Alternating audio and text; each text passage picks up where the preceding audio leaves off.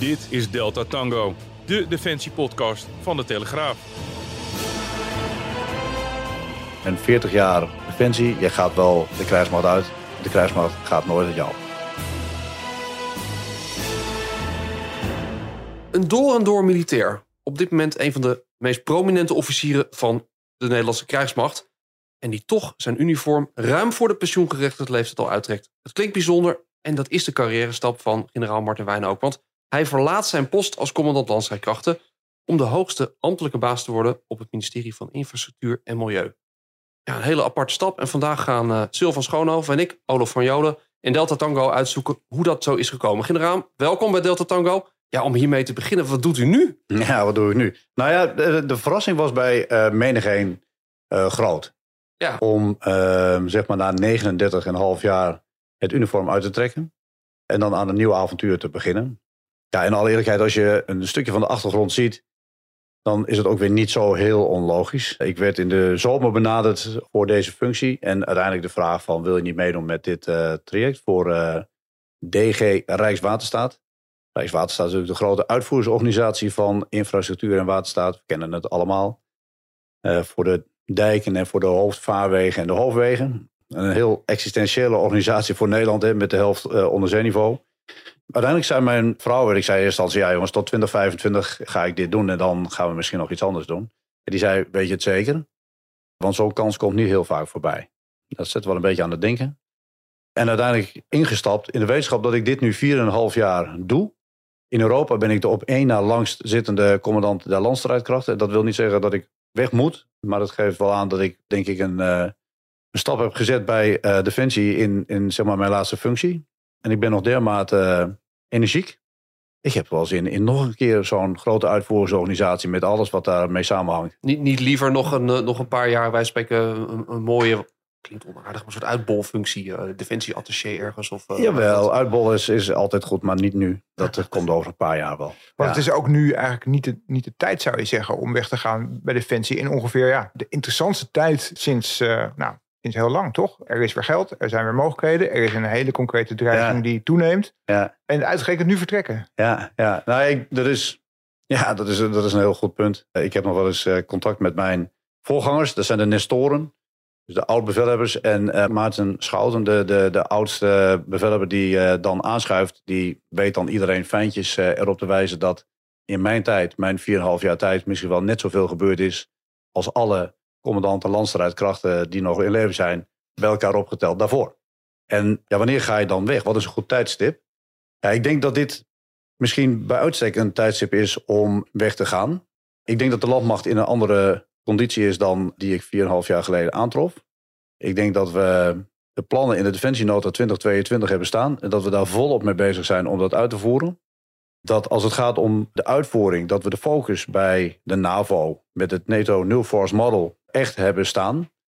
En ik ga niet zeggen dat het daarmee dan klaar is. Maar met. De... Even voor de leek, wat, wat, hoe zou je dat uitleggen aan iemand die er niet dagelijks die term hoort? Ja, dat goed punt. Want voor je weet, dan zitten we natuurlijk in allerlei vaktermen en, en jargon te spreken. Maar de NAVO heeft heel lang plannen gehad ter verdediging van het bondgenootschappelijk grondgebied. Daar was misschien niet altijd de hele grote urgentie. We hadden lange aanlooptijden.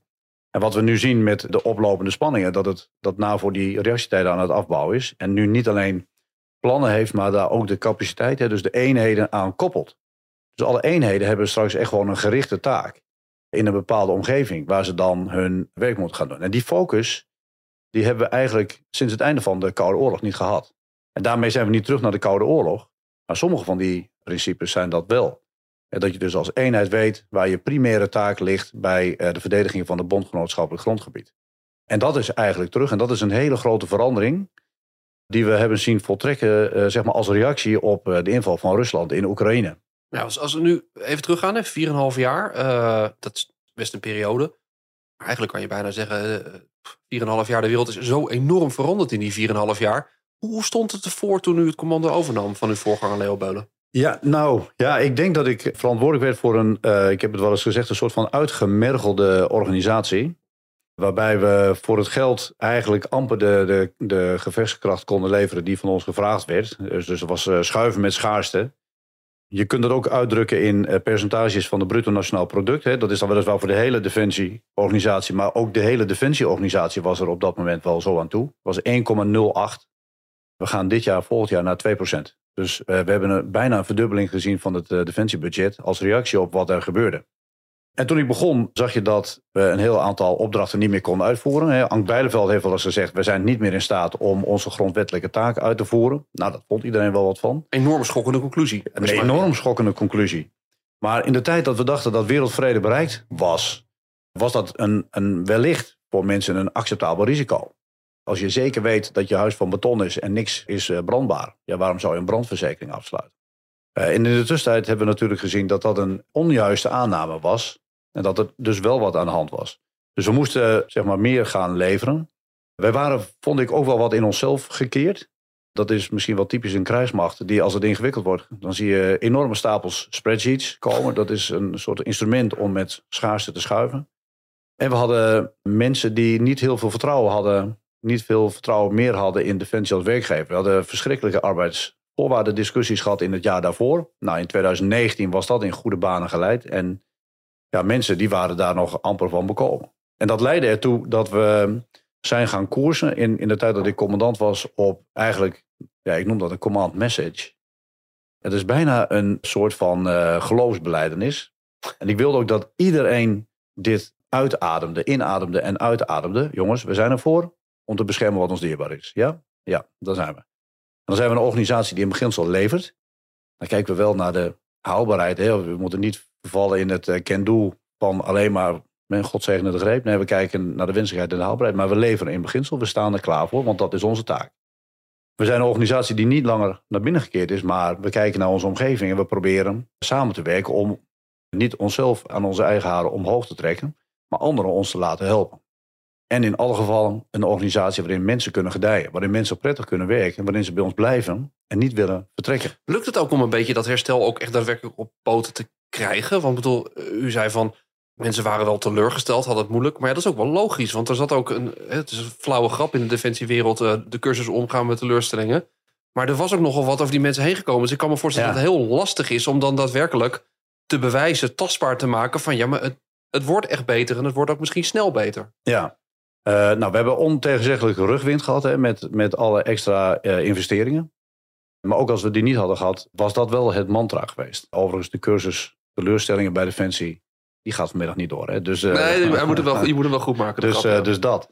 Ja, mensen werden gewoon chagrijnig. Niet alleen van die arbeidsvoorwaarden, maar bijvoorbeeld ook de spulletjes die er alsmaar niet waren. De trainingsprogramma's die niet goed waren. Dat heb je dan weer zelf in de hand om te zorgen dat die spulletjes er dan wel komen. Zorgen dat je niet meer toezegt dan dat je kunt waarmaken. Ik denk dat mensen om kunnen gaan met iets wat er niet is, maar niet als je het ze beloofd hebt. En dat is misschien wel de kern geweest van de afgelopen vier jaar, vier en een half jaar, om mensen uit de groef te krijgen van dat het standaard toch niet lukt. Volgend jaar dinsdag, een andere bekende uitspraak bij Defensie. Maar dat het op zijn minst dan volgend jaar maandag, of misschien volgend jaar zondag. En heel langzamerhand dat vertrouwen terugkrijgen. Een, een vrij plat gezegde is, uh, vertrouwen komt te voet en gaat te paard. Nou, het is te paard weggegaan en het kost ongelooflijk veel moeite met zeg maar, je commandanten, want dat, dat kun je echt niet alleen, om te zorgen dat die mensen wel vertrouwen krijgen in de organisatie. En dat hebben we de afgelopen jaren natuurlijk, dat ze hebben echt zien groeien. Want je hoort vaak dat het nu wel aardig lukt om mensen binnen te halen bij Defensie, maar niet om ze vast te houden. Nou ja, waar we mee te maken hebben is natuurlijk een ongelooflijk overspannen arbeidsmarkt. En ik word altijd uh, wat weeg in de buik als ik dan grote werkgevers hoor zeggen de, hoe graag ze onze mensen aan het werk zien. Want je kunt ze om een boodschap sturen, ze kunnen leiding geven, ze, hebben, nou, ze, weten waar het werk ligt, ze zien het werk liggen. En ik denk dan, ja, ja, ja ik heb liever dat ze dat bij ons uh, doen. Je ziet wel dat het beter gaat. Hè? Ik, ik zie bijvoorbeeld afgelopen jaar dat wij daadwerkelijk in aantallen mensen zijn gegroeid als landmacht. Maar er gaan er nog te veel weg. Dus de wervingskracht is groot. En de grote vraag is, hoe kunnen we ze langer aan ons binden? Maar ze kunnen daar natuurlijk meer verdienen. Uh, ze kunnen meer verdienen. Het is misschien ook wel eens wat gemakkelijker. Hè? We, levensfase, stel je bent eind 20, dat is vaak een moment dat de collega's zeggen: Nou, ik ga toch wat anders doen. Uh, je wilt een gezin stichten, of je wilt een relatie, of je wilt wat meer vastigheid. En wij hebben dat met onze plannen wel zeg maar, aanzet gegeven om dat om te draaien. We kunnen wel zeggen: Ja, weet je, bij ons gaat het op onze manier. Dus we verplaatsen iemand van A en dan vervolgens naar B en dan naar C. Ja, als dan iemand uh, nauwelijks in staat is om een huis te kopen omdat die woningmarkt overspannen is, gaat die toch niet blijven. Dan is de vraag van, moet je dan niet je systeem aanpassen? En dat heeft ertoe geleid dat wij een keus gemaakt hebben om veel meer naar regionalisatie te gaan. Dus wat minder in de volle breedte mensen ontwikkelen. Maar als je bijvoorbeeld bij de luchtmobiele brigade zit, dat je daar dan ook een instructeursfunctie kunt doen, dat je ook een staffunctie kunt doen, dan weer een operationele functie kunt doen. En dus niet de noodzaak hebt, de noodzaak voelt om uh, zeg maar te gaan verhuizen. Want hoe staat u er nu voor met, met, met vacatures open? En de... Ja, we zitten al eigenlijk, denk ik, zo'n twee jaar op, het, op hetzelfde aantal vacatures. Dat schommelt ergens tussen de 3 en 3.500 voor de landmacht. Dat is zelfs met de groei naar de Defensienota 2022, waarin we defensiebreed gekeken hebben naar zo min mogelijk formatieplaatsen uitbreiden. Het is ook prachtig om die organisatie te verdubbelen. Als je de mensen niet hebt om het te bemensen. Ja, dat is alleen de papieren realiteitsstand. Ja, ja. Als er zoveel geld bij komt. Uiteindelijk ging het om 5,5 miljard uh, aan extra geld. Wat je dus om gaat zetten in capaciteit. Ja, dat komt dan ook wel weer met menskracht. Ja, dan, dan maakt dat het probleem alleen maar groter. Dus dan kun je wel ongeveer op hetzelfde blijven zitten en een beetje meegroeien. Maar die dat gat ga je niet inlopen. En dan weten we dat er nog steeds sprake is van ontgroening in de samenleving, vergrijzing in de samenleving. Dus dat probleem dat wordt eigenlijk alleen maar groter. Maar, maar in principe hebben we overeind blijft dat, dat je toch een bepaalde hoeveelheid mensen nodig hebt. Of, of moeten we onze hoop vestigen op uh, het verdergaande automatisering, uh, onbemande systemen? Ja, nou dat ook. Uh, maar onbemande systemen over het algemeen zijn ook wel weer personeelsintensief. Want de hele zeg maar ondersteuning daarvan zie je dat dat ook wel de nodige menskracht vergt.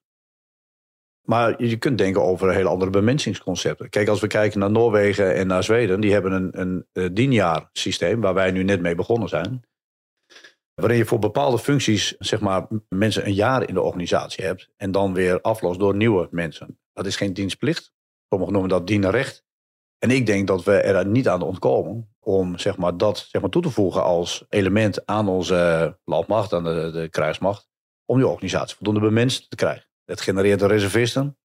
En ik denk dat het dienrechtmodel zoals de Noorden en de Zweden dat hebben, of de Australiërs. Ik ben uh, uh, eind zomer van dit jaar in Australië geweest om te horen hoe dat daar gaat. die werken al, ik geloof nu negen jaar met zo'n schil van dienjarigen in aanvulling op de beroeps zeg maar, krijgsmacht die ze zijn. Hele interessante modellen. En ik denk dat we dat nodig hebben. De kunst is natuurlijk om uit te leggen, en dat zal eh, deze dagen makkelijker zijn dan uh, pak bij tien jaar geleden is, waarom we een krijgsmacht nodig hebben en waarom het zin heeft om daar dus hiervoor in te spannen.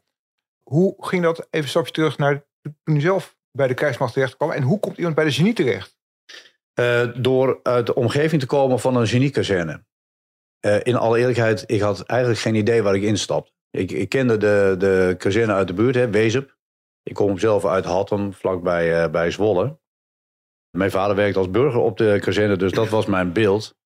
En dat liep samen met ook nog dienstplichttijd. Dus ik moest sowieso als uh, dienstplichtige opkomen.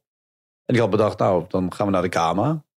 Wel met als voorbehoud van, nou, weet je, als het na één jaar is het, nou goed, was het een prachtig avontuur, dan ga ik studeren heb ik mijn dienstplicht gehad en klaar. En, maar ik was er wel van overtuigd, als ik dan naar Defensie zou gaan, ik heb natuurlijk ook wel een beta-achtergrond, dan was dat de genie. Dus dat werd grondweg en waterbouw. Uh, het eerste jaar was, uh, was uh, nou als je van de Veluwe komt, was dat even wennen, zeg maar, in de grote wereld. Mijn beide zussen zeiden, kleine anekdote, ik ben een nakomer, maar bij beide zussen hadden gezegd, nou nee, nee, nee, die is met de kerst, is die terug. Nou ja, het wordt binnenkort weer kerst. Ik wou het zeggen, het wordt kerst 2023 wordt het op deze manier. Er zat er geen jaartal bij gezet. Uh, zo ben ik begonnen. En interessant, dat was uh, in de tijd van de Koude Oorlog. En na vijf jaar Kama, dat was die tijd, was mijn eerste plaatsing was uh, 41 Panzergeniecompagnie in Zeedorf. En dat was echt een omgeving waarin je tot de zaterdagmiddag werkte. Dus zaterdag 12 uur was het einde dienst. Zaterdagavond moest je beschikbaar zijn en bereikbaar zijn dat je zeg maar, in de omgeving was. Zondagmiddag om 12 uur melden op de kazerne. En zondagavond weer bereikbaar. En dat had allemaal te maken met een paraatheidsregeling. Om in het geval van een uh, aanval, in ieder geval die klap te kunnen opvangen. En dat was serious business.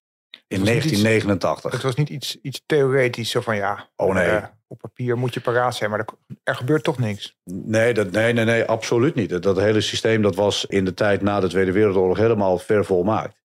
Wij hadden ook zeg maar, een opdracht in een omgeving. Dat was echt vlak bij de inner-Duitse grenzen, zoals dat dan heette.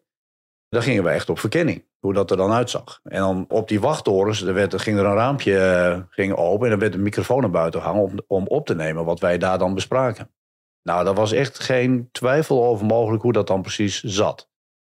Je zag wel in de loop van 1989 dat die stemming veranderde. Maar toen de muur viel, was iedereen was echt van, ja, toch redelijk verrast dat dat zo snel ging. Moet nu een nieuwe generatie uh, militairen hier rekening mee uh, houden dat dit de nieuwe realiteit gaat worden? Ja, ik denk het wel. En dat, dat is een ongemakkelijke waarheid. Want we hebben natuurlijk 30 jaar geen echte vijand gehad. Hè. De wereldvrede was bereikt. We lazen het boek van Fukuyama, The End of History. Uh, het boek wat we ook hadden moeten lezen, of misschien wel juist hadden moeten lezen, was uh, The Clash of Civilizations van Samuel Huntington. Huntington. Ik denk dat we het kunnen. En voor degene die niet van letters is, daar zit een prachtig kaartje in. Uh, hoe de wereld opgedeeld is in verschillende culturen. die, die elkaar niet altijd even vredelievend bejegenen. En op die breuklijnen zie je ook de spanningen ontstaan. Nou, dat zien we nu weer. En ik denk dat een, een aantal mensen ook wel waarschuwt en dat is echt heel ongemakkelijk. Ja, de kans dat we misschien aangevallen worden door Rusland, ja, die zal misschien niet heel groot zijn op dit moment. Maar de impact zou gigantisch zijn. En het antwoord daarop is een kruismacht die voldoende operationele gereedheid uitstraalt, voldoende robuust is, om wie dan ook niet op de gedachte te brengen om het hier te gaan doen. En daarmee sluit ik me volstrekt aan bij uh, dat wat uh, onze CDS eigenlijk bij elke gelegenheid zegt. En van de week de generaal-inspecteur, zeg maar de CDS in Duitsland, zei dat ook in Duitsland. Jongens, laten we ons, laten we ons voorbereid zijn voor een, voor een defensieve oorlog. Om te beschermen wat ons dierbaar is. En dat maakt het echt anders dan voorheen. Hoe goed voorbereid is uw, uw krijgsmachtdeel nu? Kan, kan onze landmacht zoiets aan? In alle eerlijkheid, vanuit het principe ready to fight tonight, uh, hebben we het te doen met de spullen en de middelen en de mensen die we hebben. Er wordt echt gewoon keihard getraind op die eerste hoofdtaak. Maar we zullen echt nog wel een stap moeten zetten om, om nog beter te worden. Kijk, uiteindelijk gaat afschrikking om de uitstraling die je hebt. Maar ook gewoon om hoeveelheden. Wat kan je op de mat leggen? Absoluut. Dus het gaat om de investeringen. En dan, dan kijk ik met name naar de Defensienota 2022. Die eigenlijk daar al op geënt is. Ja, dan worden we wel eens wat ongeduldig. Hoe snel het gaat om die investeringen te doen. Om die capaciteiten te vormen, et cetera. En dan valt nog wel eens de term. Nou, hè, vijf tot zeven jaar hebben we. Om niet alleen de plannen te maken, zorgen dat we er zijn, dat we de voorbereidingen treffen, dat we de munitie hebben. Die tijd moeten we echt gewoon optimaal gebruiken. Hoe belangrijk is, is het dat uh, de landmacht straks weer eigen tanks heeft? Wat mij betreft de volgende stap is, is uh, versterking van de slagkracht van uh, de Koninklijke Landmacht. En dat doen we dan ook weer samen met, met Duitsland wat mij betreft. Dan gaat het over investeringen in artillerie, maar ook in de robuustheid van onze brigades. Om uiteindelijk dat effect te bereiken. Maar robuustheid van brigades met of zonder eigen tanks? Nou ja, dat is. Moet je überhaupt verstaan onder robuust? Want dat is wat abstract. Wat, wat moet erbij? Wat moet er, wat robuust is uh, beter beschermd. Andere systemen, meer slagkracht, meer vuurkracht. Dat is waar we het over hebben. Dat kan met uh, artillerie. Hè. We, we, hebben gekeken naar. We hebben nu de, de, de toevoeging is de raketartillerie aan onze arsenaal. Daarmee kun je verder in de diepte precisie-effecten bereiken.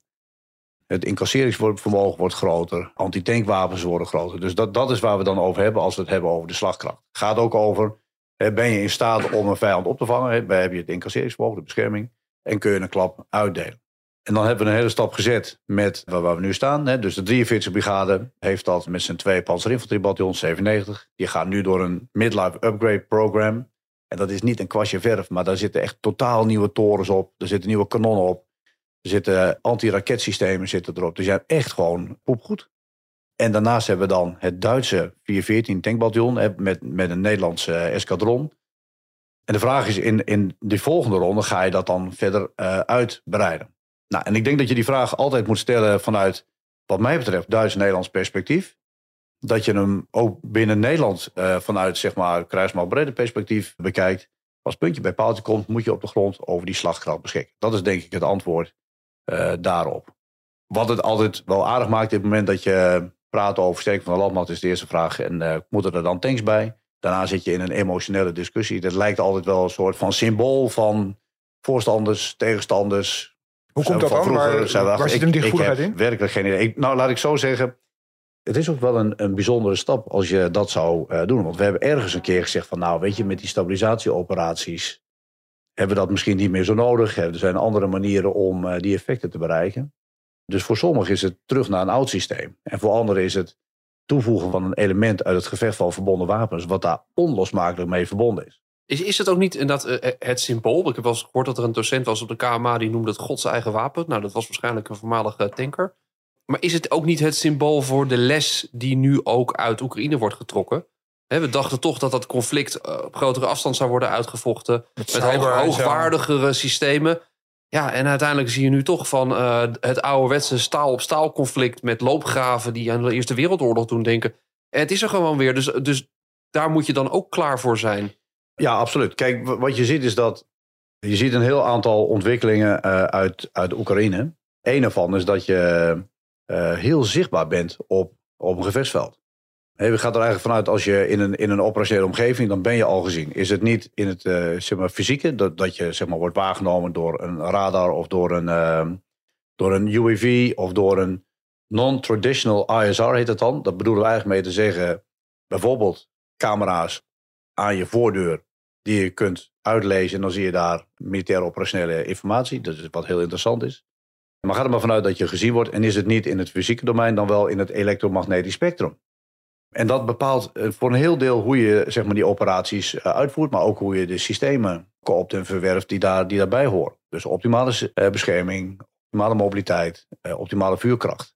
En dan zijn we weer terug bij de, bij de, bij de tankdiscussie. Moet het een tank zijn, ja of nee? Moet het een tank zijn, ja of nee? En wat ook denk ik relevant is, is als je tot die investering komt, hè, zou je dat dan doen, zeg maar gewoon as is? Of ga je kijken naar iets wat denk ik voor de volgende generaties aan de orde is. En dat is alles wat te maken heeft met, met onbemande systemen.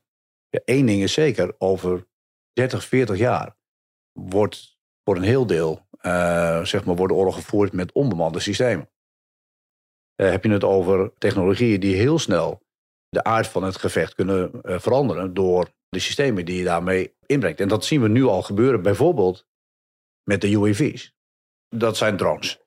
Dat begon ooit als een soort vliegtuig zonder piloot.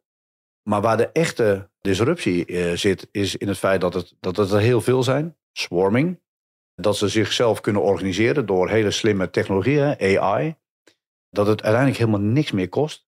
Uh, je ziet ook dat het uh, steeds minder materie is. We zien nu zelfs kartonnen drones. En er hoeft er maar eentje van de honderd zeg maar, door een verdedigingslijn te komen. Of eronder door te vliegen of noem maar op. En hij doet zijn werk zelfs hele dure systemen worden heel kwetsbaar voor een zwerm van hele goedkope systemen. Die gekoppeld zijn met hele slimme technologie, met AI. Dus daar zie je de aard zie je veranderen. En dat zien we eigenlijk in de volle breedte, zien we dat we daar aan de vooravond staan. Dus de vraag is, ga je een investering doen? En ga je dan meteen niet ook die innovaties toepassen? En ik denk dat dat moet. Want als we teruggaan naar de disrupties, Eén eh, ding is zeker, ik heb liever dat wij een opponent disrupten dan dat wij zeg maar, aan disrupties onderhevig zijn omdat een, een tegenstander veel slimmer is. Wat, dus, wat, dus daar moeten we aandacht aan besteden. Wat heel wezenlijk in deze is dat je ook die techniek hebt, dat je hem als eerste krijgt. Hè? Daarvoor ben je afhankelijk van de industrie. Dan hadden we toevallig uh, recent ook in de podcast uh, te gast uh, de, de voorman van, van de NIDV, dus de, de belangenorganisatie van Knops. Ja, Knops, de belangenorganisatie van de leveranciers. Ja, het beeld daar is er ook nog wel dat het allemaal wel langzaam gaat. Hè? Er is bijvoorbeeld een nieuwe uh, ondernemer die wil dolgraag een munitiefabriek opzetten, Gerard Zondervang. Ja, die man zit weer klem in allerlei procedures over stikstof en, en zegt ja, ik, ik bied het maar aan de defensie en blijf maar stil. Dus, dus ja, het is heel mooi als je dit hoort en het is ook heel logisch. Het is een logisch verhaal, je moet mee met innovatie. Maar tegelijkertijd lijkt de realiteit, zullen zeggen, de ambtelijke realiteit nog steeds te zijn dat het allemaal langzaam gaat. En als er een keer wat gekocht wordt, dat het dan soms nog weer heel langzaam doorkomt. Hoe, hoe moet dat nou verder? Ja, ja, die innovaties. Er zit natuurlijk ook nog iets in als een soort van systeem, systeemtraagheid om dingen anders te doen. Tegelijkertijd zie ik heel veel uh, innovaties ook in onze eigen organisatie door trial and error. Wat ik wel eens uh, zeg is dat wij, uh, we zijn natuurlijk de Nederlandse, we zijn militairen, dus we, doen precies wat de, wat de bedoeling is, wat gezegd wordt. Maar we zijn ook Nederlandse militairen. Dus zijn nu dan ook wel eens wat eigenwijs. En wat ik bijvoorbeeld gezien heb in de eigen organisatie, het zeg maar experimenteren met onbemande grondsystemen, de, de Robotics and Autonomous Systems eenheid. We hebben gewoon een eenheid opgericht met grondgebonden robots. Want eventjes voor de, voor de beeldvorming van mensen die, die dat niks zegt. Hè. Je, hebt dan, je hebt dan een klein voertuigje, dat bedien je op afstand. Camera's kijken mee. Dat kan vuren, dat kan ook tijdens het rijden kan het vuren. En dat, dat, dat dient in feite als een panzerde eenheid. Alleen dan zonder mensen die meehelpt bij de eenheid waar wel mensen bij zitten. Dus Ja. het is eigenlijk heel futuristisch wat hij in het veld doet. En eh, heeft dat opgeleverd wat de belofte ook was? Nou ja, we hebben onszelf beloofd dat we dit soort zeg maar, processen gaan stimuleren om uiteindelijk tot iets te leiden. Het is heel lastig om aan de voorkant te vertellen wat het precies wordt. Maar in die stapjes die we gezet hebben, zie je wel dat het heel langzamerhand geloofwaardig wordt. En die eerste systemen, daar zat een soort van klungeligheid in. Daar kon je mild om glimlachen. Wat ik nu zie, zou ik het zeg maar loslaten op bijvoorbeeld een commandopost. Je moet er niet tegen vijandelijke tanks inzetten, maar in, in een bedekt terrein. Ik zou, ik zou daar zachtjes wel nerveus van worden. Dus het begint echt wel tot wasdom te komen. En zo heb je heel langzamerhand stapjes. En dat is even terug naar, die, naar dat ongeduld wat eh Raymond Knops denk ik terecht zegt. Maar als je al die stapjes zo terugkijkend ziet, dan zijn we toch best wel snel tot iets gekomen. Eh, dus het is ook een kwestie van en proberen en opnieuw en verder. En ik denk dat wij daar samen met ons bedrijfsleven goed in zijn, maar daar moeten we nog beter in worden.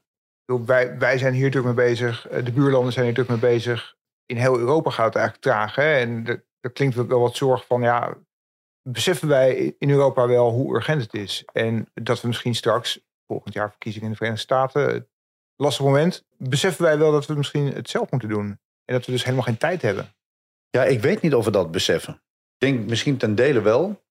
Ongemak zit er denk ik in het feit dat we, we praten heel makkelijk in de wars of necessity. Hè? Eh, maar de consequenties die zijn gewoon ongemakkelijk. Dat betekent dat je daar wat voor moet doen. Hè? Dus wij moeten werken aan onze operationele gereedheid. Wij moeten robuust zijn. Wij moeten zorgen dat we voldoende afschrikken om de eh, zeg maar opponent de moed te ontzeggen om het ook daadwerkelijk bij ons te doen. Hè? Rusland wordt alsmaar sterker. Ik denk dat we de conclusie kunnen trekken dat, die, dat de Russische belangen zich niet eh, goed verhouden tot de onze. En dat er maar één taal is die Rusland verstaat en dat is een robuuste krijgsmacht. Nou, dat doen we met de NAVO. Overigens vertel ik niks nieuws, want Onno Eigelsheim zegt dat ook. En Karsten Breuer zegt het ook. En als je in de Baltische Staten bent, zeggen de mensen het ook. En mijn Finse collega Pasi Valimaki zegt het ook. Jongens, laten we nou leren van de geschiedenis. Als er een clash of civilizations is, dan is dit de taal die men begrijpt. Maar we vinden het met z'n allen waarschijnlijk toch een, een naar idee. Je wil er Ja. niet aan, aan denken. En, en ook al is die oorlog op ons eigen continent en helemaal niet zo ver weg. Ja, we willen daar toch liever niet aan. Eh, eh, sterker nog, eh, we hebben, er net een besluit gevallen in het Amerikaanse congres om eh, toch een stap terug te zetten als het gaat om hulp aan, aan Oekraïne, militaire hulp. Ja, ja, en dat- gaat dan over Oekraïne. Wat natuurlijk iets is wat we op dagelijkse basis moeten volgen voor degenen die dat niet doen. Want dat is eigenlijk een systeem wat dezelfde democratische waarden nastreeft als, als wij dat willen. En zien daar een conflict met Rusland die daar anders tegenaan kijkt. En Rusland wordt echt sterker. Ook dat is een realiteit die we zien gebeuren. En daarmee is de opgave, denk ik, voor ons helder. Wat misschien ongemakkelijk is in de samenleving, is dat het niet alleen de opgave is van een krijgsmacht. 30 jaar stabilisatieoperaties was natuurlijk, jongens, als jullie dat nou daar doen. En dat deden we met de 3D-benadering, hè, met de, diplomatie. Deden we dat, dat samen en, de, de, de, de, ontwikkeling. En gingen we een bepaald, eh, in een bepaalde omgeving gingen we die missie uitvoeren. Maar nu is het, denk ik, een whole of society approach. En sommige landen die hebben die slag al gemaakt. In Finland is dat vrij normaal dat de hele samenleving bijdraagt aan, aan zeg maar die afschrikking. Je ziet dat de mannelijk deel van de Finse bevolking kan opschalen als het zeg maar de nood aan de man is. Maar die hebben ook gewoon als geen ander geleerd van hun geschiedenis. Hoe, Wat- hoe- hoeveel zouden wij nodig hebben? Als je naar een reservistensysteem kijkt en je kijkt naar een dienjaarsysteem. Wat zou er moeten zijn om de behoeftes te vervullen die u redelijkerwijs eh, inschat? Kijk, we hebben nu eigenlijk eh, nauwelijks opschaalcapaciteit. Hè. Met, een, met een, professioneel leger heb je zoveel. Nou, je kunt nog met, je kunt nog met X-lastgeving, heet dat vroeger. Hè. Dus de, de instructeurs kun je bijschakelen, je kunt versterken. Eh, reservisten zitten vooral in de, de Nationale Reserve. Die een taak heeft overigens in Nederland. Daar kom ik zo nog even op terug. Dus daar zou je eigenlijk een bestand aan reservisten moeten hebben. eh, die gekoppeld is aan je operationele capaciteit. Voor de voortzettingsvermogen, eh et cetera. Dus dat is, dat is één. Eh, twee, die operationele capaciteiten die doen het nu voor een heel deel. De grote discussie binnen de NAVO is enablement. Want hoe gaan we nou die eenheden daar krijgen? Hoe gaan we ze in stand houden? Hoe gaan we de, de bevoorrading regelen? Hoe gaan we de, de retourstroom bijvoorbeeld van gewonden regelen? Dus daar loopt een hele discussie. En dat brengt ons dan bij het derde. Maar wat kan de, de samenleving daar dan in doen? Ja, de vraag is of we een staand leger moeten hebben om voorraden, om transporteenheden, om dat helemaal naar de NAVO-Oostlang te brengen. Dat kun je ook combineren met bedrijfsleven. Dus hier zie je ecosystemen ontstaan van bedrijven die, als de nood aan de man is, kunnen bijspringen om bijvoorbeeld een heel deel van die bevoorrading te doen. Nederland is natuurlijk een hoogtechnologisch, dichtbevolkt uh, land met heel veel kritieke infrastructuur. Uh, dus we zullen ook moeten kijken van, uh, oké, als Nederland dan een doorvoerland is van bijvoorbeeld NAVO-versterkingen, Amerikaanse eenheden die naar Europa komen, ja, dat loopt via de havens. Hoe ga je dat dan versterken? En moet dat dan alleen de krijgsmacht zijn? Of is dat ook iets wat, wat de bevolking dan doet? Dan heb je het over host nation support. En ik denk dat Nederland zelf de weerbaarheid van de samenleving en zeg maar de mensen, mensen gaan ervan uit dat we er altijd zijn. Ik denk dat het heel verstandig is om een paar liter drinkwater gewoon in een kast te hebben staan of in de kelder te hebben staan. Dat je onafhankelijk van wie dan ook jezelf wel een beetje in stand houdt. Want als u kijkt naar hoe ze het in Finland doen en hoe het in Nederland doen, hoe schrijnend is dat verschil dan? Ja, dat verschil is groot. En dat heeft alles te maken met, dat heet dan de proximity of war. Uh, heet dat dan in vaktaal, hoe dichter je bij een, een dreiging zit, hoe, hoe nadrukkelijker je kijkt naar, naar je weerbaarheid en of je dat allemaal op orde hebt. En wij zitten natuurlijk een heel stuk verderop in Europa. Dus en daarmee lijkt het of, of wij daar niet, hè, dat wij daar niet zoveel mee van doen hebben. En, maar dat is, dat is natuurlijk niet zo. Wat moet er veranderen dan hier in de mentaliteit? Nou ja, dat mensen, je hoeft echt niet allemaal in de paniek te, te raken, maar dat we een beetje weerbaarder worden. Dat zou denk ik geen kwaad kunnen. Hoe dan? Nou ja, door uh, je te realiseren dat er, hè, als de NAVO bezig is met een concrete dreiging, die we eigenlijk allemaal wel zien, dat de krijgsmacht daar een opgave heeft om uh, zeg maar die credible deterrence, hè, die geloofwaardige afschrikking te genereren. Maar dat je dus ook in het eigen land dus weerbaar bent en klappen kunt opvangen. Op het moment dat er aanslagen worden gepleegd, et cetera, et cetera. Kijk naar Oekraïne. Daar wordt niet alleen aan het front worden gevochten. Het is ook verderop in, in het land dat, hè, zeg maar dat, dat Russische aanvallen plaatsvinden. Nou, nogmaals, dat gaat allemaal morgen niet gebeuren. Maar als we zeggen dat we to prepare for war, dan is dat denk ik een, wat dan heet een whole of society approach. Om daar dan ook gewoon je op voor te bereiden en een inspanning voor te verrichten. Bijvoorbeeld met een dienjaar dat dat ergens toe dient. En dat het goed is, ook voor uh, jonge mensen, om een avontuurlijke baan te hebben. Dat is allemaal prima, prima. Maar het gaat wel ergens om. Hoeveel jongeren zou je dan daarmee binnen moeten hebben bij de landbouw per jaar? Nou ja, wij denken, uh, we hebben nu dit jaar hebben we er 600. Hè. Dit is niet een idee wat nog ten uitvoer moet worden gebracht. Maar we doen het al. Jongelui zijn razend enthousiast. Ja, die hebben nu allemaal hun basismilitaire, de eerste hebben hun basismilitaire opleiding gehad en die, die worden toegevoegd aan de eenheden. Maar ik denk dat 2 tot 3000 kunnen we er, er, zeker hebben. Nou, als je kijkt naar een jaarcohort van jongelui die 18 jaar zijn geworden, zoals dat dan in Zweden gaat. Hè, als je 18 wordt, krijg je een oproep om te vertellen waar je, waar je kennis en kunde uh, zitten, waar je talenten liggen, wat je misschien zou willen doen. Dan is het aanbod daar veel groter dan de vraag vanuit Defensie om die plaatsen te vervullen. We zien dat overigens ook nu in Nederland al. Wat het dan oplevert is een, een militaire opleiding. Het is een rijbewijs. Het is een, een avontuurlijk jaar. En het is een certificaat dat je wat voor je samenleving hebt betekend. Nou, een derde schuift dan door richting een beroepsplaats. Een derde wordt reservist. En een derde gaat gewoon aan de studie en heeft een jaar gewerkt bij Defensie. En het fascinerende is dat in Zweden zou je eventueel nog mensen kunnen aanwijzen voor dienstplicht, als ze te weinig hebben. Maar jaar na jaar is het aanbod van mensen die dat ene jaar willen werken, veel groter dan de vraag. En dat is ook de ervaring in Australië, waar ze dit, nou, ik, eh, volgens mij heb ik net al gezegd, eh, volgens mij nu voor het negende jaar, zeg maar, doen. En dat is denk ik een manier om de opgave die we misschien als samenleving zien, te verbinden aan, aan dat wat we bij Defensie moeten produceren. En we hoeven echt niet allemaal morgen met een helm op en noem maar op. Maar we zijn misschien wel heel erg gewend aan dat het altijd vrede is. Dat mag wel een klikje bijgesteld worden. Wat moeten wij wel allemaal doen? Moeten we, moeten we trainen om naar schuilkelders te gaan? Moeten we, moet elk huis een voorraad hebben? Moet je uh, kunnen overleven als de stroom uitvalt of het, of het internet? Hoe, hoe moet je nou voorbereiden? Nou ja, die, die laatste drie sowieso. Dat we ook in staat zijn om als de elektriciteit uitvalt, dat je in ieder geval niet helemaal hulpeloos letterlijk in het duister tast. Maar dat je misschien ergens een zaklamp hebt zitten, dat je in ieder geval nog licht hebt. Dat je water in je kelder hebt staan. Als om wat voor reden ook eh, de waterleiding uitvalt, dat je in ieder geval nog wat, wat drinkwater hebt. Dat, dat is allemaal niet zo gek om dat voor elkaar te hebben. En, en een stukje zag je dat terugkomen toen we corona hadden. Begin 2020 hebben we dat natuurlijk zien gebeuren. Dat mensen begonnen te hamsteren. Ja, daar zit dan een soort van reflex in. Ah, er moet nu wat gebeuren en ik moet nu hamsteren. Nou, wees dat nou gewoon eens even voor. Ook een dimensie ehm, is natuurlijk de politieke dimensie. Er wordt druk geformeerd nu. Denkt u dat het langjarig besef er is dat die krijgsmacht van belang is en dat er niet weer, hè, als straks eh, hopelijk hè, die, die oorlog in Oekraïne beëindigd wordt, dat mensen denken, nou, dit was het weer en we kunnen weer rustig over op de waakvlam. Het kan weer wat eh tienden van procenten minder.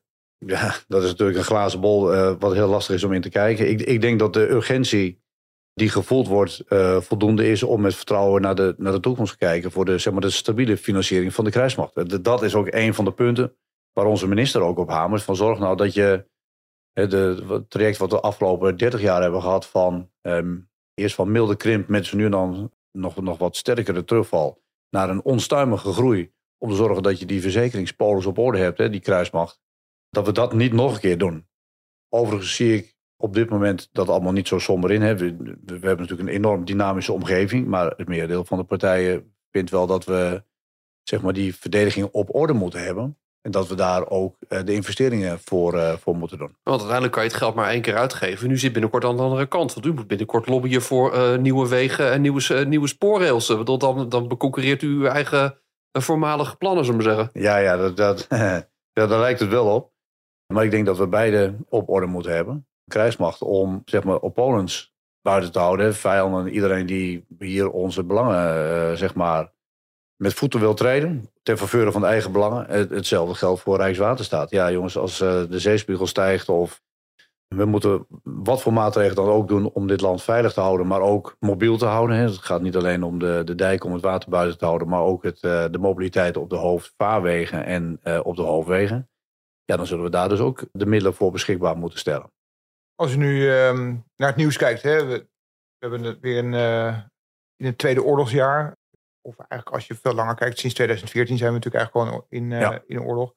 Het gaat niet heel goed aan de oostgrens. Hè? Het gaat niet goed met, met Oekraïne. Kijkt u nou met groeiende zorg naar wat er daar gebeurt?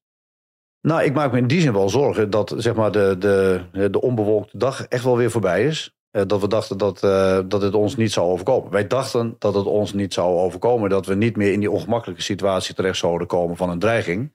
En die is er nu wel. Dus in die zin maak ik me wel zorgen.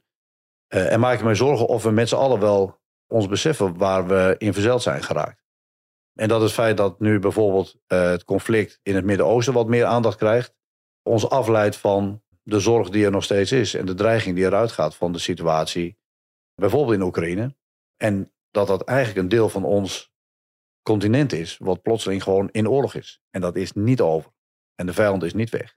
Waarbij even nog eh, het idee bestond van er komt een tegenoffensief. En we kunnen misschien wel wat Rusland terugduwen. Maar die hoop is aan het verdampen, toch? Ja, het aardige is dat je, en, en dat ook dat is van alle tijden, dat als er dan een plan is en we gaan een tegenoffensief, dan de gewenste uitkomst zit alvast tussen eh, de oren van menigeen. Ja, zo werkt het in een oorlog niet. Over het algemeen duurt het veel langer dan dat we denken. En we gaan terug naar de Eerste Wereldoorlog. Iedereen wilde meedoen in eh, de zomer van 1914, want we wisten zeker Voor kerst dat het thuis. in de, in de kerst, voor de kerst waren we thuis. En iedereen wilde toch zeker weten dat hij erbij aanwezig was geweest. Ja, ja, dat was wel vier jaar later. Dus oorlog is altijd nasty, zou ik bijna zeggen. Het is een kwestie van perseverance, hè, vasthoudendheid. Zorgen dat je alert blijft eh, om uiteindelijk naar die militaire eindsituatie te gaan.